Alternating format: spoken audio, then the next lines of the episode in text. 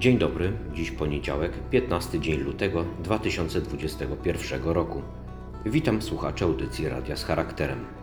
Naszymi gośćmi będą pan Jaw Szac, historyk i socjolog, autor książki pod tytułem Pokolenie – wzlot i upadek polskich Żydów komunistów. Pan Łukasz Zwoliński zaprezentuje felieton autorski pod tytułem Bezrozumna wyprawa wiedeńska. Pani Anna Piksa przedstawi kolejną słynną angielską piosenkę. Amelia Olarnik zaprezentuje subiektywny, informacyjny przegląd tygodnia. W dzisiejszym śniadaniu z mistrzem prezentujemy pierwszą część rozmowy z panią Joanną Podolską. Zapraszamy na stronę i na Facebooka Suplementu Kultury, a także do słuchania radia z charakterem. Serdecznie pozdrawiamy wszystkich słuchaczy.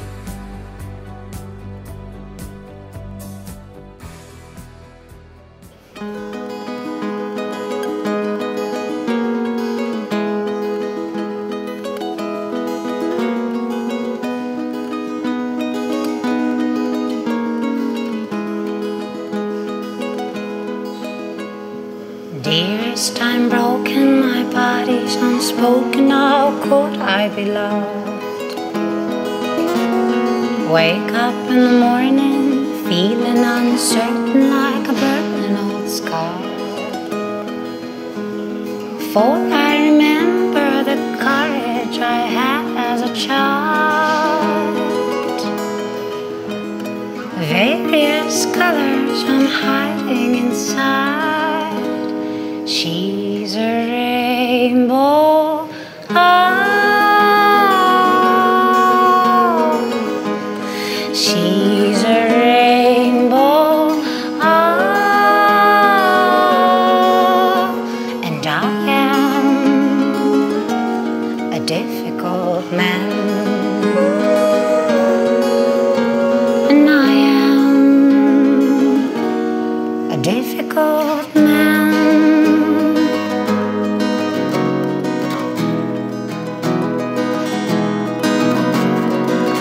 Baby, I'm choking, my rhythm is smoking, I'm floating around. Shaking in the frozen earth that I've chosen, surfing the clouds. For I remember the joy I've had as a child. The various colors I'm hiding inside.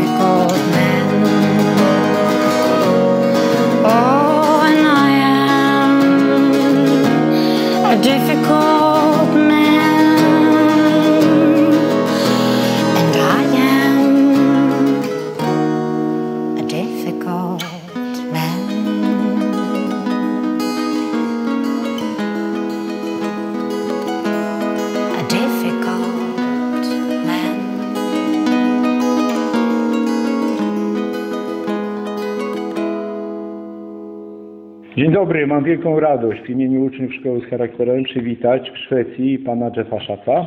Dzień dobry panu. Dzień dobry, dzień dobry. Cała przyjemność po mojej stronie. E, Przede mną pańska książka, która w Polsce bardzo długo czekała na wydania. Książka niezwykła, Pokolenie w podtytule Wzlot i upadek polskich Żydów komunistów. Książka, o której i mówił Zygmunt Bauman, Andrzej Paczkowski i Piotr Osenka. Książka, która przypomina legendę, mit pokolenia. Pokolenia e, w dużej mierze e, wiekowo podobnego do pokolenia pańskich rodziców. E, Pokolenia, które wychowało się i doświadczyło czegoś, co nam się historycznie wydaje na tyle odległe, że chyba precyzyjnie tego nie wiemy, czyli tej e, poważnej i wielkiej niesprawiedliwości społecznej z przełomu XIX i XX wieku. I pytając się Pana jako badacza, jako socjologa, Jak duża była właśnie ta niesprawiedliwość społeczna z przełomu XIX i XX wieku? No, w skrócie próbując narysowa- zarysować ten obraz, y, to można by było powiedzieć, że Polska międzywojenna y, składała się z kilku narodów y, i 35% ludności było etnicznie nie, nie Polakami. Największą mniejszością byli Ukraińcy.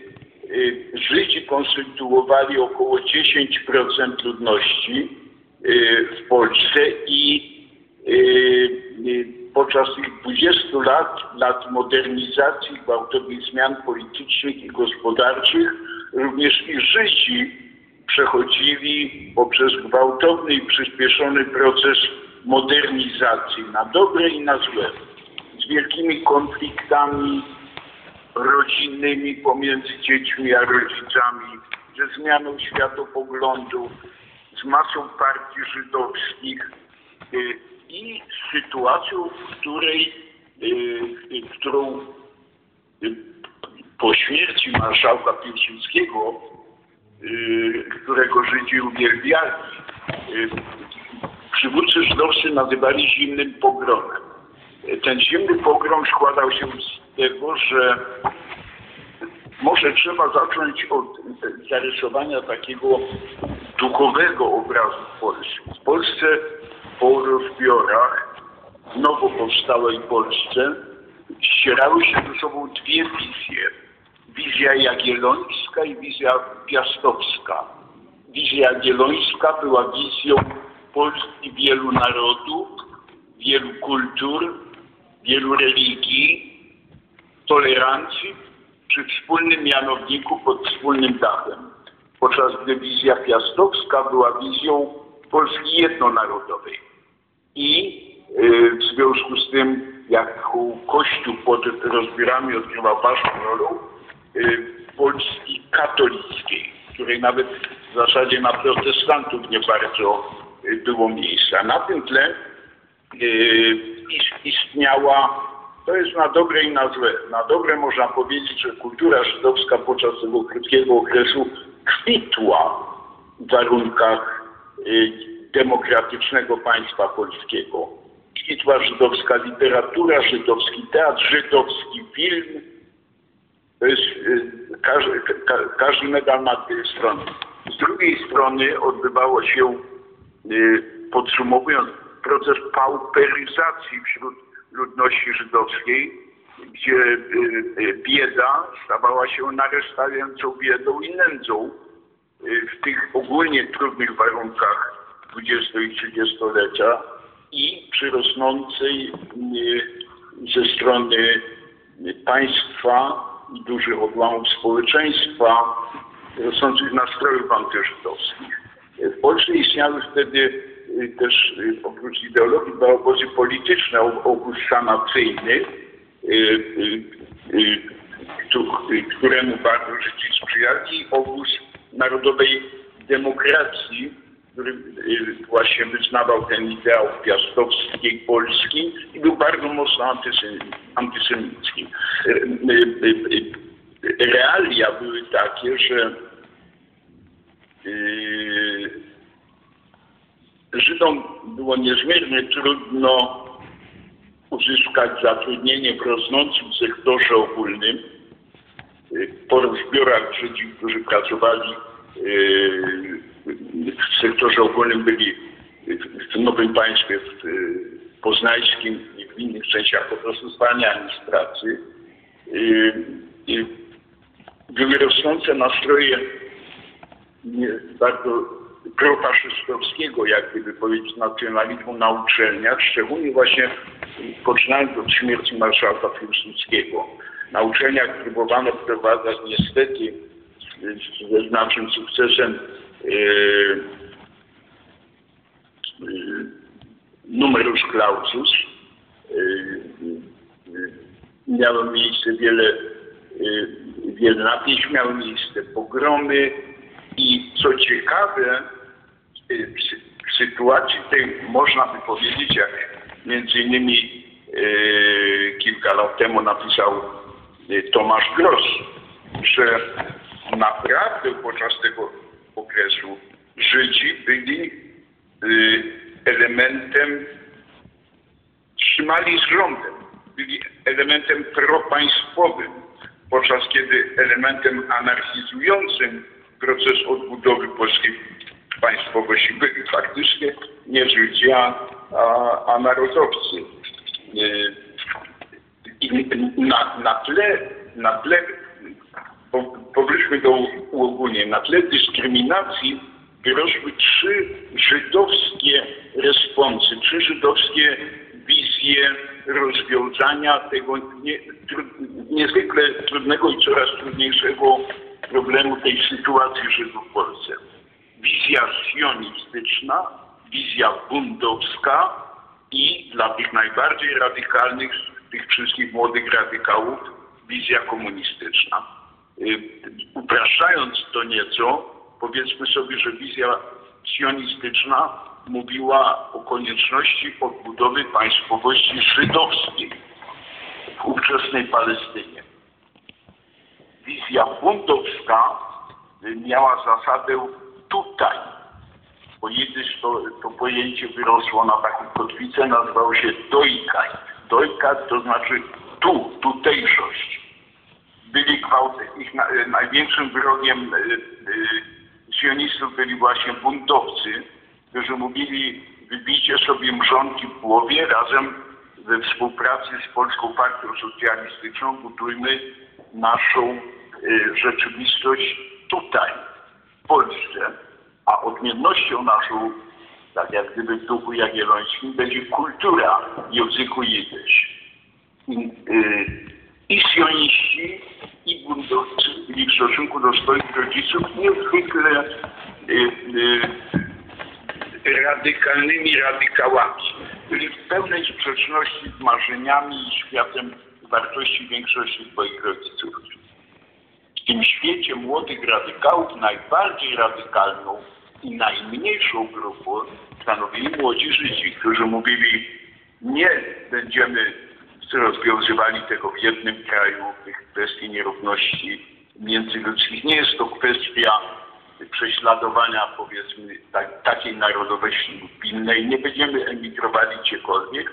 Jest potrzebna zasadnicza reforma, rewolucyjna reforma społeczeństwa ludzkiego na całej ziemi, gdzie, jak to y, y, się mówi przysłowiowo, nie ma Rusina, ani nie ma, nie ma, nie ma Greka, ani Żyda, gdzie wszyscy ludzie są swobodni.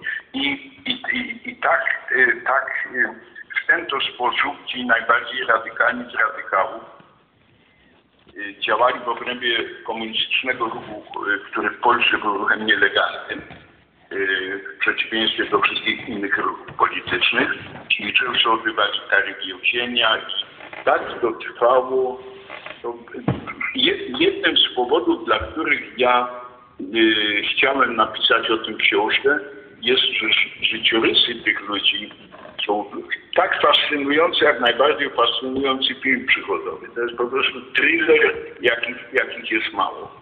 Y, Oni żyli y, w epokach gwałtownych, skurczów i konwulsji historii.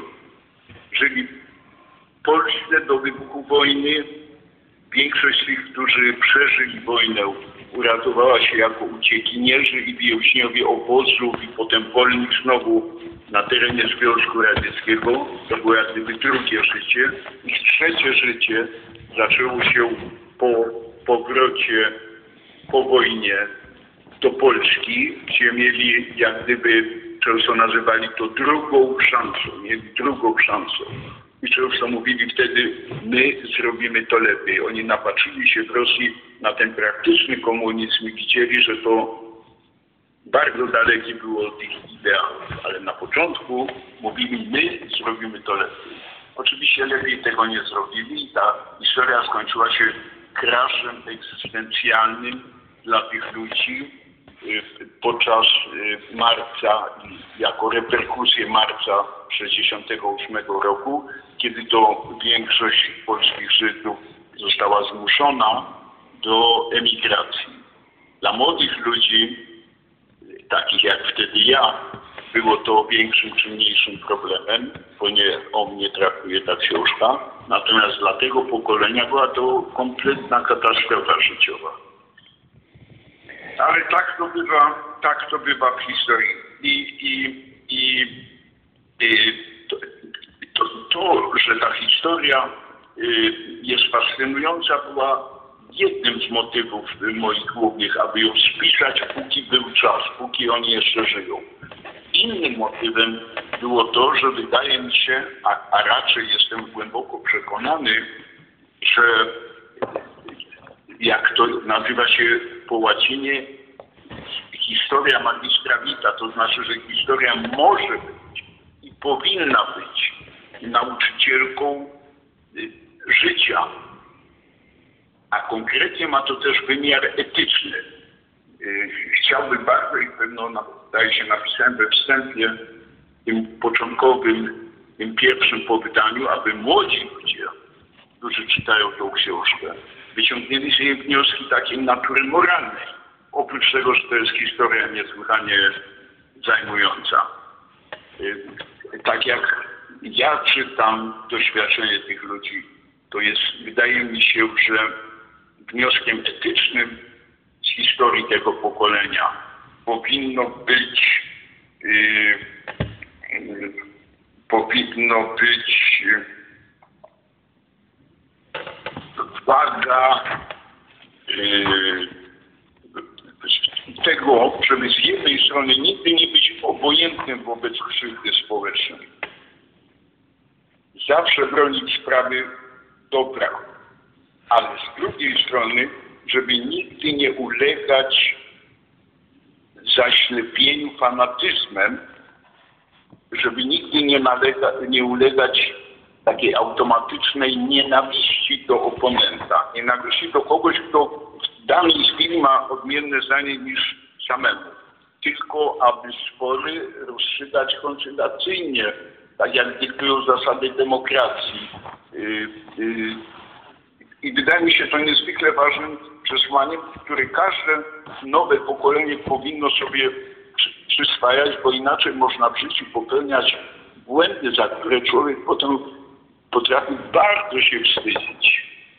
A aby nie wstydzić się kiedyś za to, co robi się dzisiaj, to można uczyć się z tych historii, które istniały, że tak powiem, które miały miejsce wczoraj. I, i, i w, tym, w tym jest możliwość e, e, używania wiedzy o, o zdarzeniach, które minęły, czyli historii, do tego, aby były one pewnym drogowskazem, pewną pomocą w wytyczaniu naszych dróg życiowych e, dzisiaj.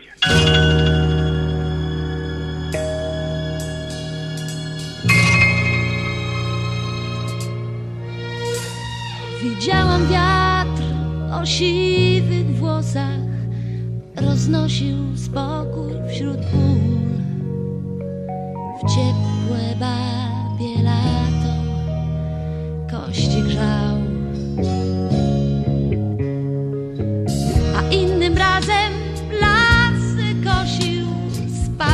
Ostrzem z gór.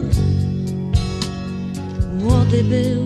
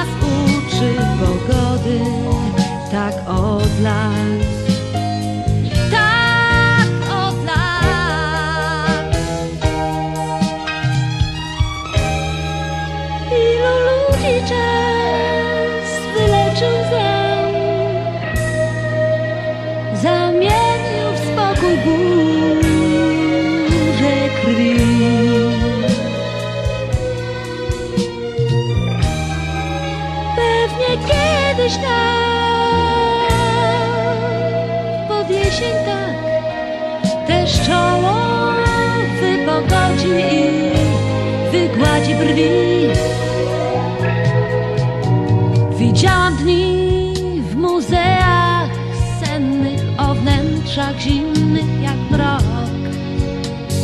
Starsi ludzie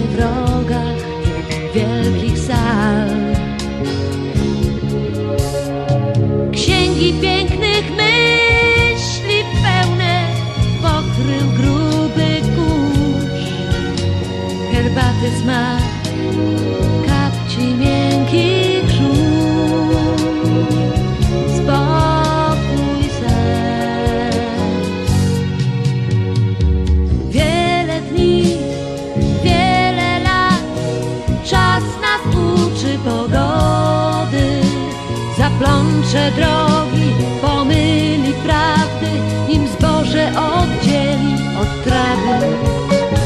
Bronisz się, siejesz wiatr, myślisz jestem tak młody.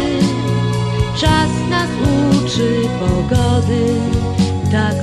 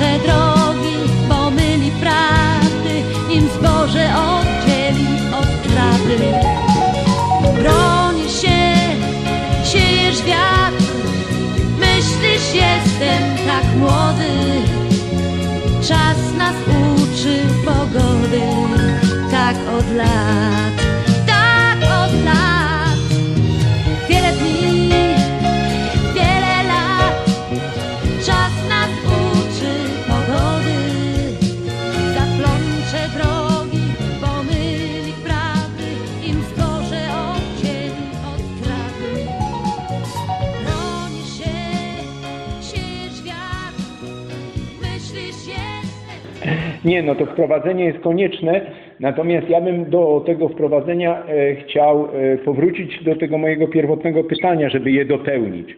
Mianowicie, kiedy ci młodzi ludzie stojący u progu niepodległej Polski, e, stojący po doświadczeniach I wojny światowej, ale czasami dorastających nawet przed I wojną światową, Jak oni postrzegali ten świat niesprawiedliwości społecznej wtedy? Jaka była skala tej nieprawości, przeciwko której oni chcieli się buntować, ale ta forma buntu, którą potem przyjmą, no tak jak Pan wspomniał przed chwilą, będzie mało etyczna. Y, No więc przede wszystkim pamiętajmy o tym, że buntem przeciwko dyskryminacji, o której chętnie powiem kilka słów, ten, ten bunt miał y, trzy formy, a może nawet cztery formy.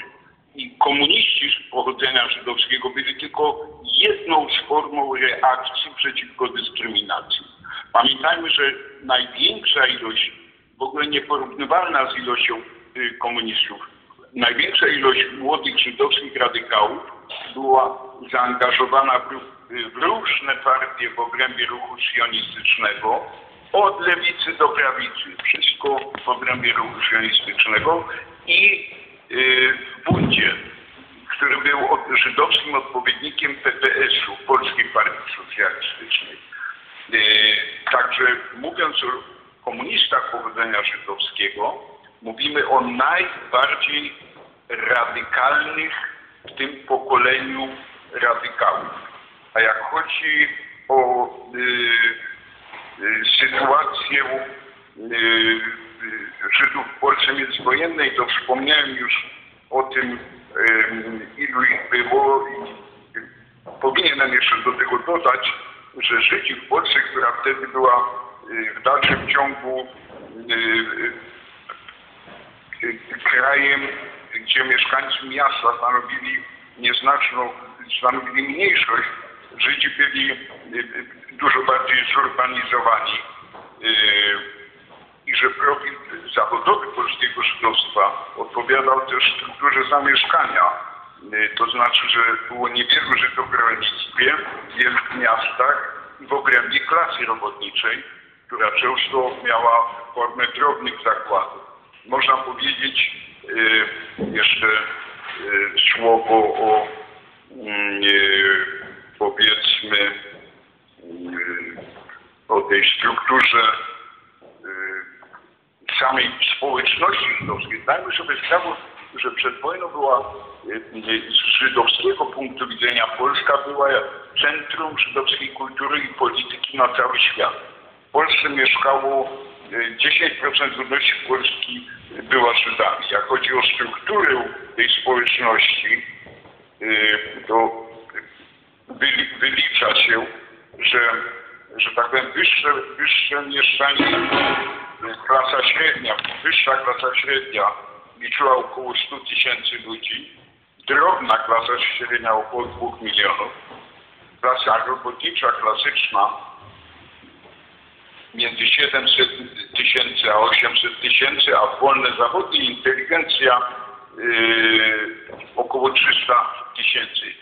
Pamiętajmy, tak jak zaznaczyłem, że większość Żydów żyła w nędzy, a ich sytuacja radykalnie pogorszała się w dobie, w dobie wielkiego kryzysu, kiedy to liczono oficjalnie, że około 50% żydowskiej ludności żyło w warunkach budzących wtedy za ubóstwo.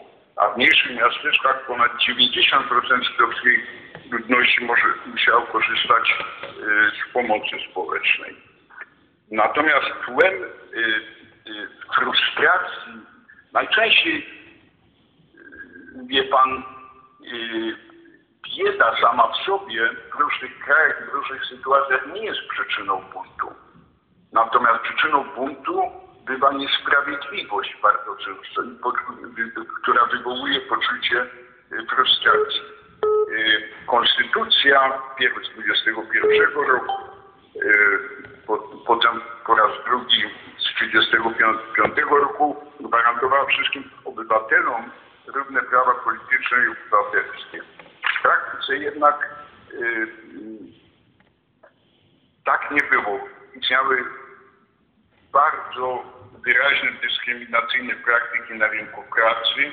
Cała polityka gospodarcza państwa była często skierowana y, przeciwko Żydom. Y, Inteligencja żydowska, ludzie, którzy kończyli uniwersytety, y, nie byli zatrudniani y, w sektorze ogólnym, wskutek czego żydowska inteligencja była skazana albo na bezrobocie, albo na pracę w wolnych za, za, zawodach.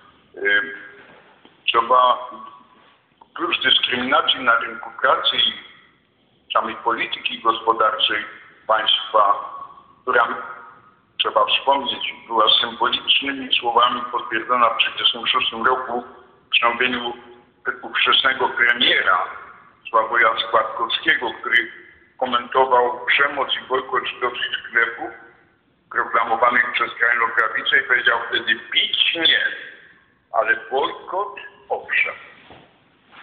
Yy, No i była przemoc wobec Żydów, która, która pierw miała miejsce w latach 20. i która rozgorzała na nowo w latach 30. Yy, powodowana nacjonalistyczną propagandą. Yy, Także ja tutaj na szybko mogę yy, powołać, przywołać jako przykład, że yy, w 1936 roku w samym województwie białostockim doszło do 21 pogromów i 348 aktów indywidualnej pomocy, e, przemocy. A e, według źródeł żydowskich do października 1935 roku e,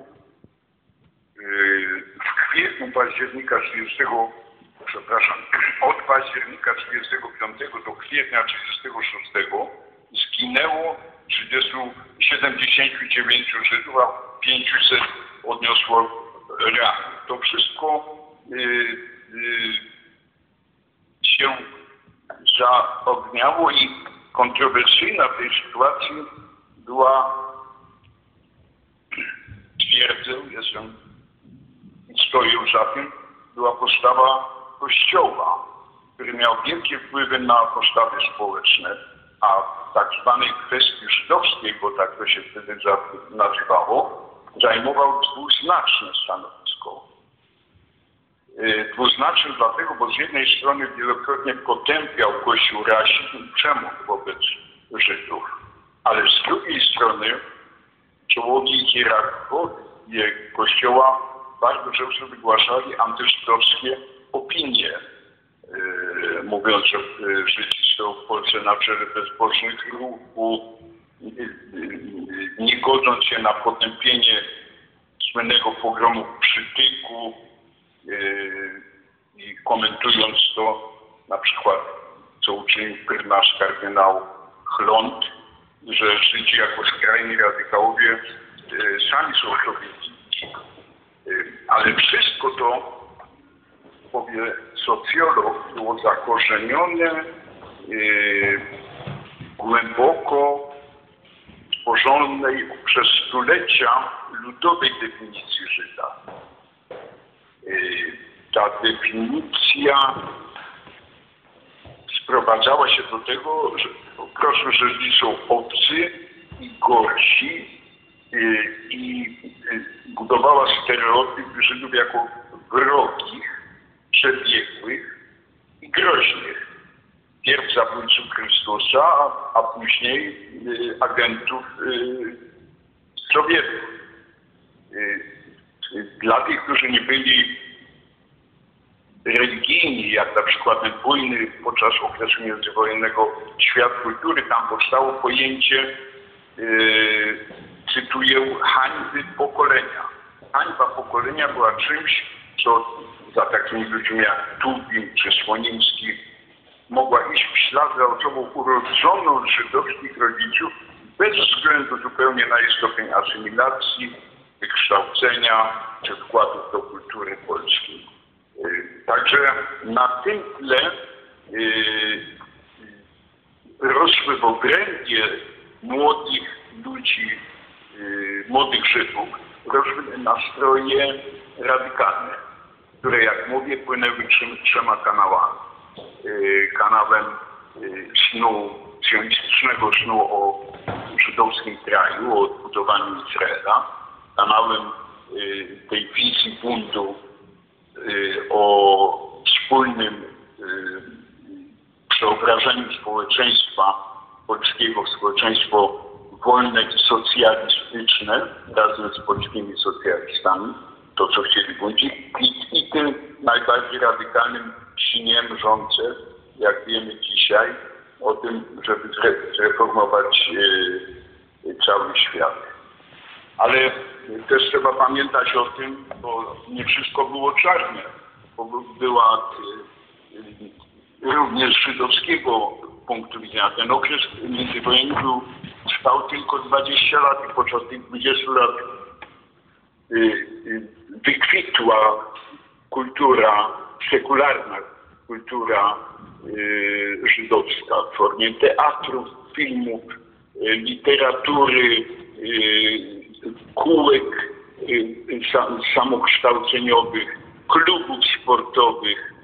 I to, to oznaczało gwałtowny proces modernizacji, niezwykle gwałtowny, bo ten czas był krótki, który, y, który jak wspomniałem poprzednio, którego rezultatem o, rosnąca przepaść między pokoleniem rodziców i pokoleniem dzieci. A dzieci, te radykalne dzieci, coraz częściej znajdowały sobie jak gdyby drugi dom nie u siebie w domu, ale właśnie w obrębie klubów młodzieżowych, klubów sportowych, yy, tych kółek samokształceniowych. Jakby się to wszystko skończyło, gdyby nie wybuch II wojny światowej i zagłada, trudno powiedzieć. Istnieją opinie, tak jak mówi Agnes Heller, bardzo słynna historyk amerykańska. Ona twierdzi, że gdyby nie zagłada, to miałby w Polsce w przyspieszonej formie ten sam proces y, akulturyzacji i- y, i asymilacji, który miał miejsce y, między Żydami w Stanach Zjednoczonych.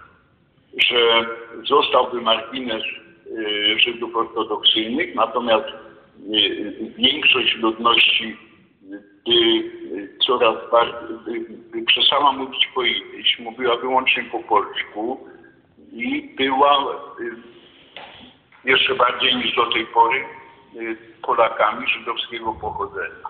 No ale przyszła wojna, przyszła zagłada i y, cały rozwój wziął nie, nie, nieprzewidziany obrót.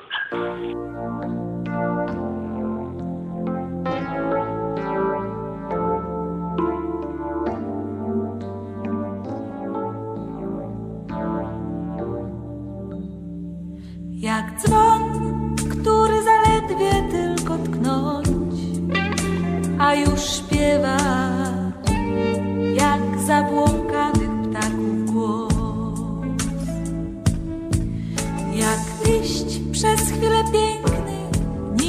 wiatr strąci z drzewa. Tak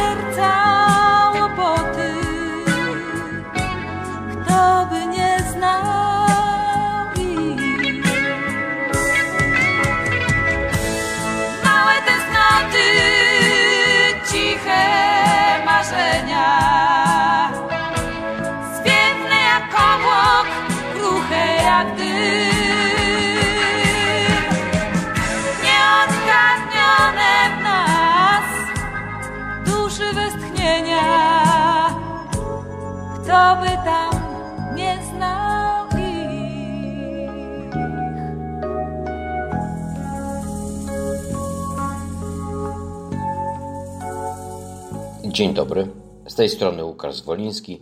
Witam serdecznie wszystkich słuchaczy. Zapraszam do wysłuchania mojego felietonu zatytułowanego Bezrozumna wyprawa wiedeńska. Dzieje upadku Turcji przypominają nieco historię naszego kraju. Imperium Osmańskie, potężne jeszcze w połowie XVII wieku, zostało zredukowane w przeciągu dwu i pół wieku do rangi państwa drugorzędnego. Sporego co prawda terytorialnie, ale mającego znaczenie wyłącznie ze względu na swoje położenie, a nie potencjał. Podobnie też jak w przypadku Rzeczypospolitej, przyczyną upadku był rozkład wewnętrzny. Skutkiem tego rozkładu była utrata znaczenia politycznego, a także utrata części ziem. Początkiem końca były bunty janczarów z początku XVII wieku. Janczarzy stanowili prawdziwą elitę, byli podstawą policji państwowej, stanowili elitę armii czy gwarantowali bezpośrednią ochronę sułtanów.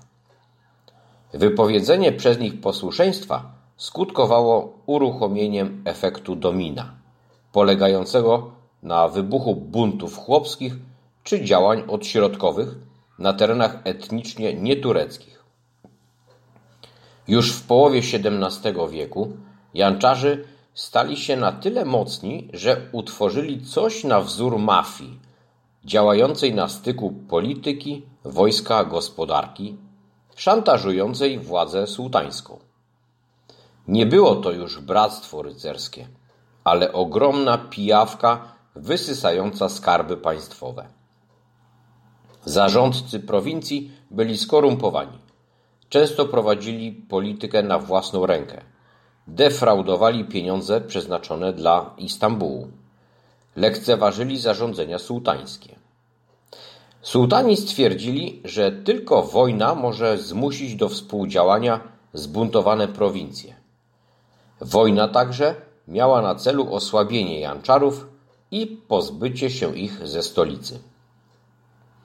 Była to polityka krótkowzroczna, gdyż musiała doprowadzić do bankructwa.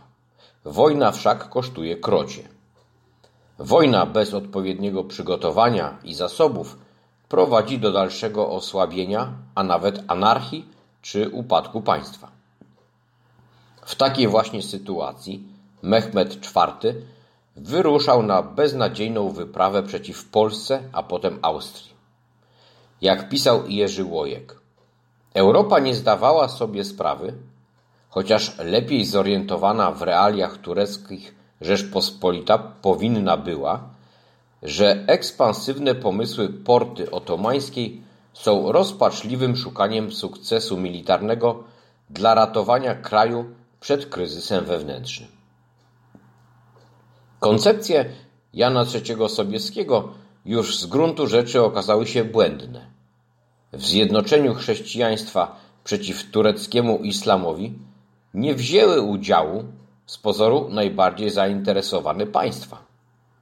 Chodzi o Węgry, do niedawna zresztą popierane przez Sobieskiego, a teraz przy pomocy Turcji szukające wyzwolenia ze strony Habsburgów.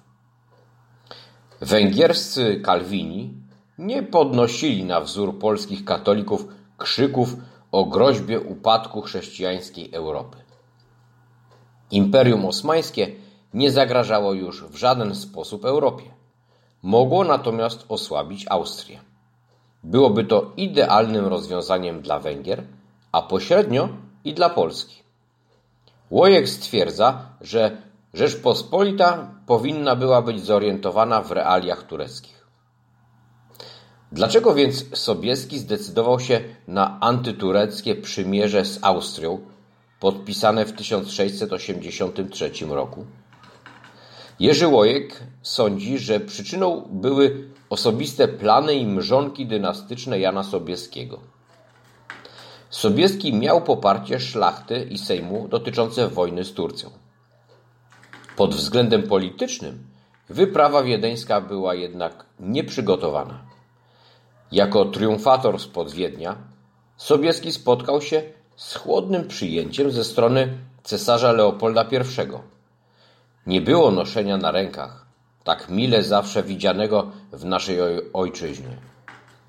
Sprzymierzona z Polakami armia litewska, zamiast słuchać rozkazów, zajęła się grabieniem ziem węgierskich. Wiedeńska Wiktoria okazała się z perspektywy historycznej jednym z największych błędów w nowożytnej historii Polski.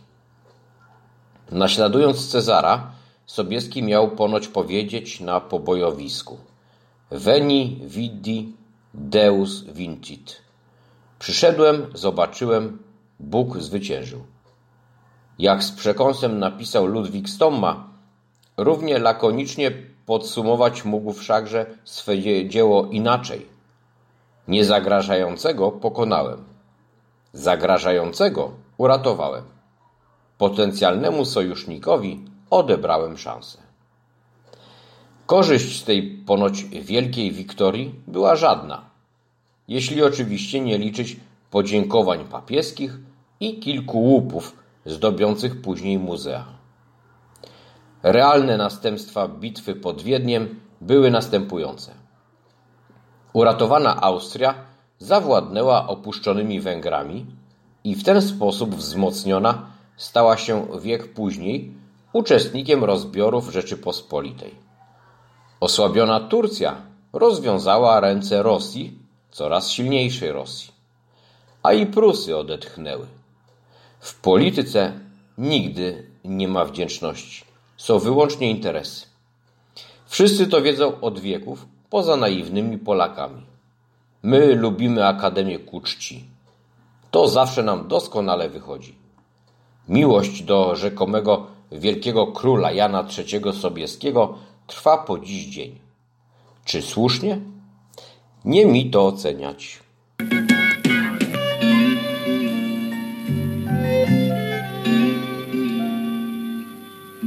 w żółtych płomieniach. Brzoza dopala się ślicznie, grudzień ucieka za grudnie, styczeń mi stuka za stycznie. Wśród ptaków wielkie poruszenie, ci odlatują, ci zostają. Na łące stoją jak na scenie Czy też przeżyją, czy dotrwają. I ja żegnałam nieraz kogo I powracałam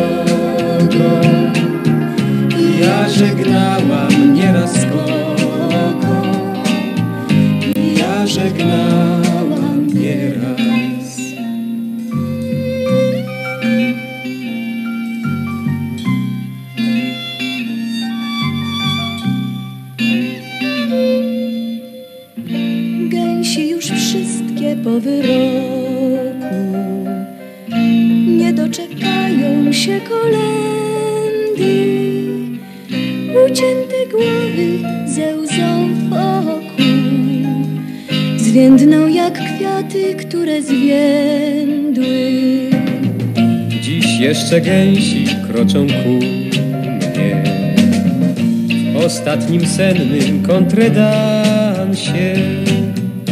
Jak tłuste księżne, które dumnie Witały przewrót, kiedy stał się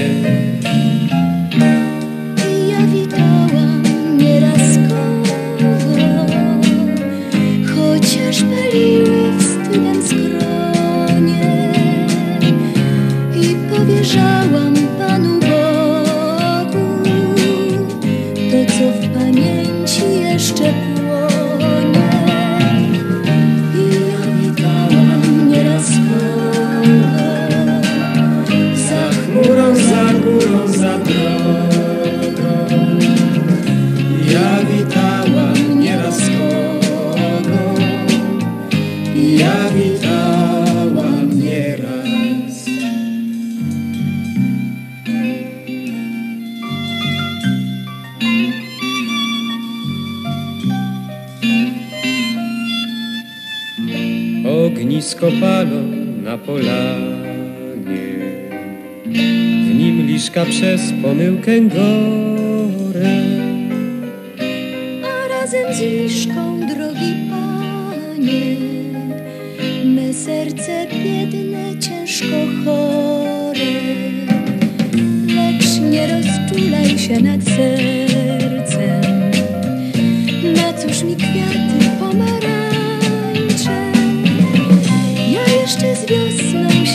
ręce. Ja jeszcze z wiosną się roztańczę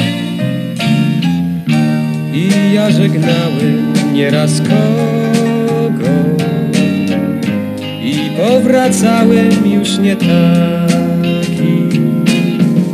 Choć na mej ręce śniła srogo Obrączka jaką noszą ptaki. Żegnałeś nieraz kogo za chmurą, za chmurą, za drogą. I ty żegnałeś nieraz kogo. I ty żegnałeś nieraz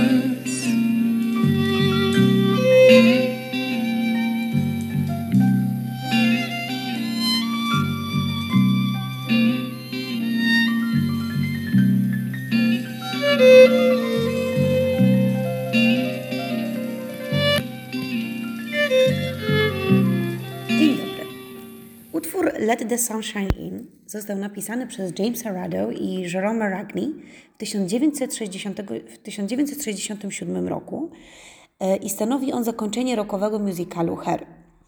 Musical osadzony jest w realiach lat 60. XX wieku i opisuje losy nowojorskiej komuny hipisów protestujących przeciwko wojnie w Wietnamie. Dzieło jest uznawane za pierwszy w historii musical rockowy, który od początku wzbudzał kontrowersje tematyką i formą, przykład wolna miłość, narkotyki czy nagość na scenie.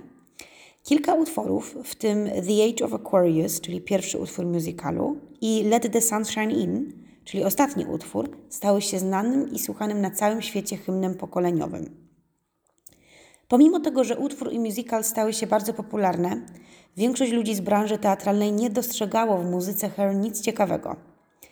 Wiele artystów wypowiadało się negatywnie na temat musicalu, a John Lennon uznał dzieło za zwyczajnie nudne. Niektórzy krytycy podkreślali jednak, że po raz pierwszy od wielu lat na Broadwayu słychać autentyczną muzykę dnia dzisiejszego, a nie wczorajszego. Jednak pomimo wielu niezgodności w opiniach, utwory pochodzące z musicalu są wciąż słuchane i doceniane, a w 2004 roku amerykański Instytut Filmowy wpisał piosenkę Let the Sunshine In na listę 100 najlepszych piosenek filmowych wszechczasów. Zapraszam. Bukowski! Bukowski! Bukowski! You better get your head out of your ass! Let's go! This way, soldier! Let's go! Move out! You better move, soldier!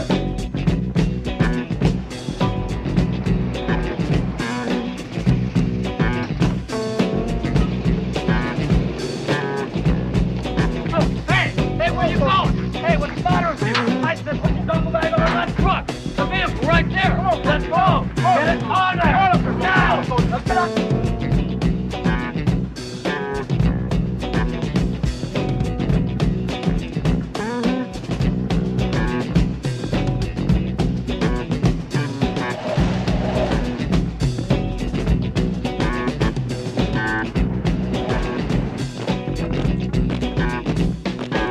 We look at one another, short of breath, walking proudly in our winter coats, wearing smells from laboratories, facing a dying nation. Of moving paper fantasies, listening for the new told lies. With supreme Somewhere. Inside something there is a rush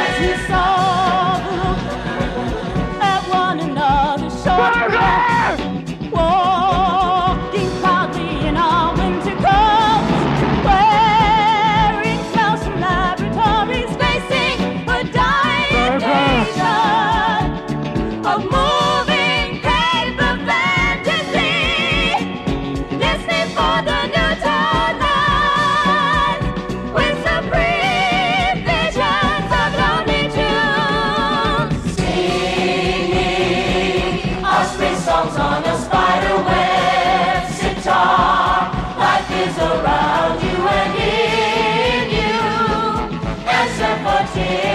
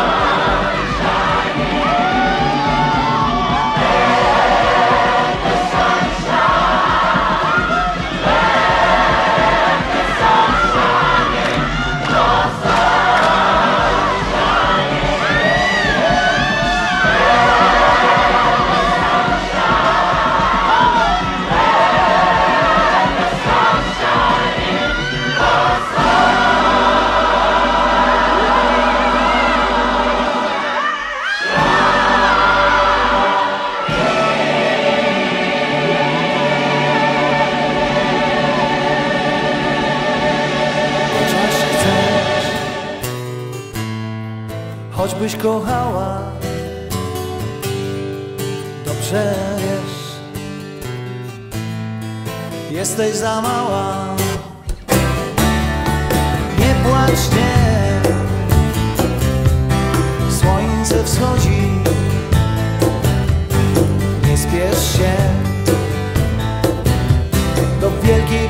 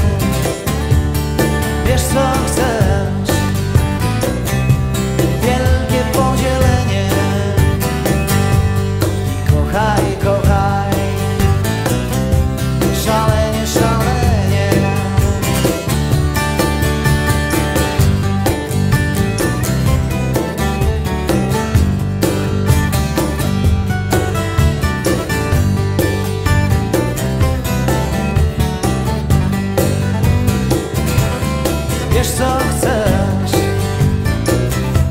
Wielkie po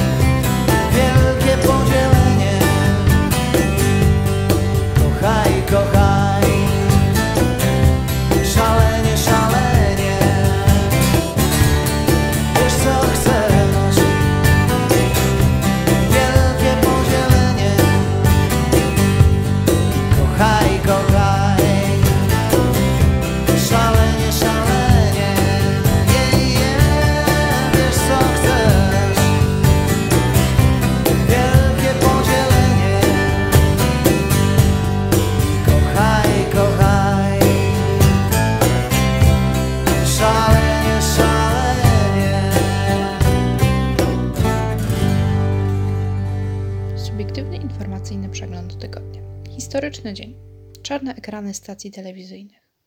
Media mają zostać objęte nowym podatkiem. W środę 10 lutego odbył się strajk mediów. W radiach słychać było komunikat, tutaj miał być twój ulubiony program. Na kanałach telewizyjnych niezależnych mediów ukazywał się czarny ekran. Czarny ekran, który symbolizował brak. Brak wolnych mediów. Nałożenie na media podatku to próba uciszenia niezależnych mediów, mediów krytycznych. W środę mogliśmy oglądać tylko to, co prezentuje nam stronnicza, rządowa telewizja. Najwięcej młodych Polaków w historii deklaruje poglądy lewicowe. Centrum Badania Opinii Społecznej opublikowało badania, które przeprowadzono wśród młodych Polaków wieku 18 do 24 lat. Odsetek młodych Polaków o poglądach lewicowych względem zeszłego roku wzrósł prawie dwukrotnie i osiągnął najwyższy w historii wynik 30%. Jest to również pierwsza od prawie 20 lat sytuacja, gdy poglądy lewicowe przewyższyły nad poglądami prawicowymi. Polacy cenili pracę premiera i prezydenta. Na przełomie stycznia i lutego został przeprowadzony sondaż, jak Polacy oceniają pracę premiera, prezydenta i rządu. Z sondażu wynika, że 59% respondentów negatywnie ocenia pracę prezydenta Andrzeja Dudy. Jest to o 1 punkt procentowy więcej niż w grudniu ubiegłego roku. Za to pozytywnie pracę Andrzeja Dudy ocenia 32% respondentów. Pracę szefa Rady Ministrów pozytywnie ocenia 28% respondentów, a negatywnie aż 63%. Również pracę całego rządu Polacy oceniają w większości negatywnie. Taką odpowiedź wskazało 65% badanych. Zaś 26% uważa, że rząd działa bez zarzutów. A kiedy przyjdzie także po mnie zegarmistrz światła purpurowy, by mi zabełtać błękit w głowie, to będę jasny i gotowy. Spłyną przeze mnie dni na przestrzał. Zgasną podłogi i powietrza. Wszystko jeszcze raz popatrzę.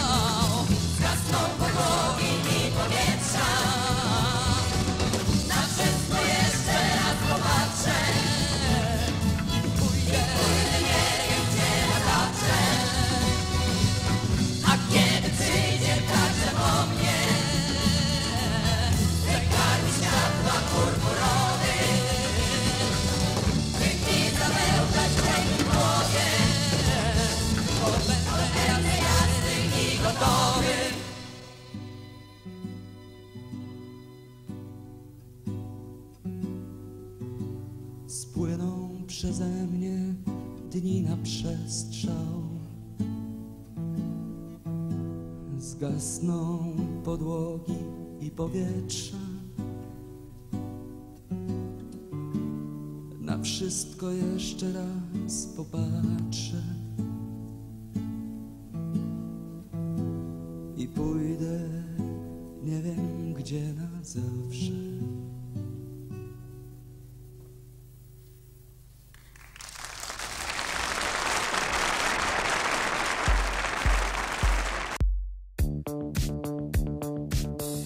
Dziękujemy za uwagę. Zapraszamy do słuchania kolejnej audycji Radia z charakterem, a w niej gościć będziemy ponownie pana Jafa Szaca. Wszystkich słuchaczy z zagranic naszego kraju zapraszamy do kontaktu mailowego. Podaję adres radio z charakterem małpa protonmail.com. Pozdrawiam serdecznie naszych słuchaczy, życząc wszystkim dużo zdrowia, miłego dnia i spokojnej nocy. Do usłyszenia.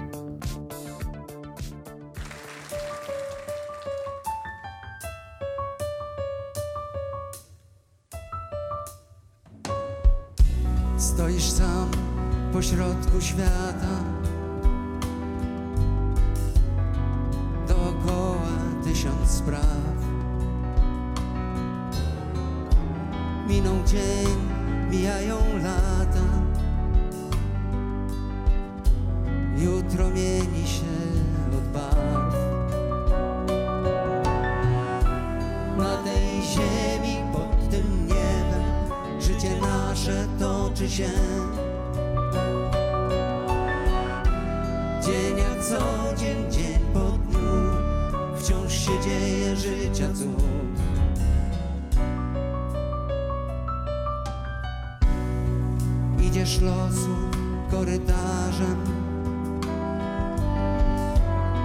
W niecodziennych życia tłach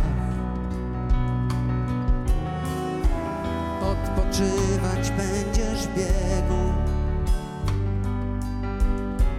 Póki serce w piersi gra. Na tej ziemi pod tym niebem Życie nasze toczy się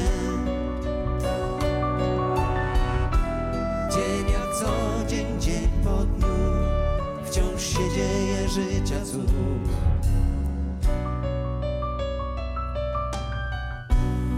wspomnieniami, marzeniami.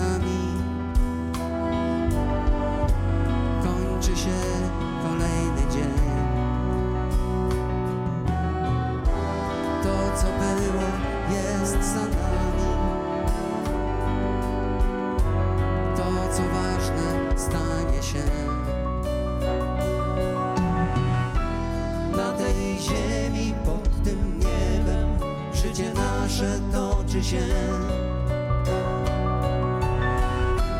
Dzień jak co dzień, dzień po dniu, wciąż się dzieje życia cud.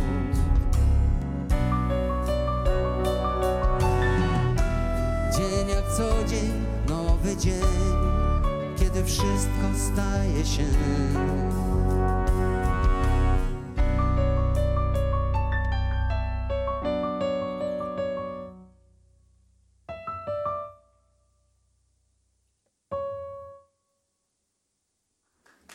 Proszę Państwa, są tutaj moi przyjaciele z plebanii.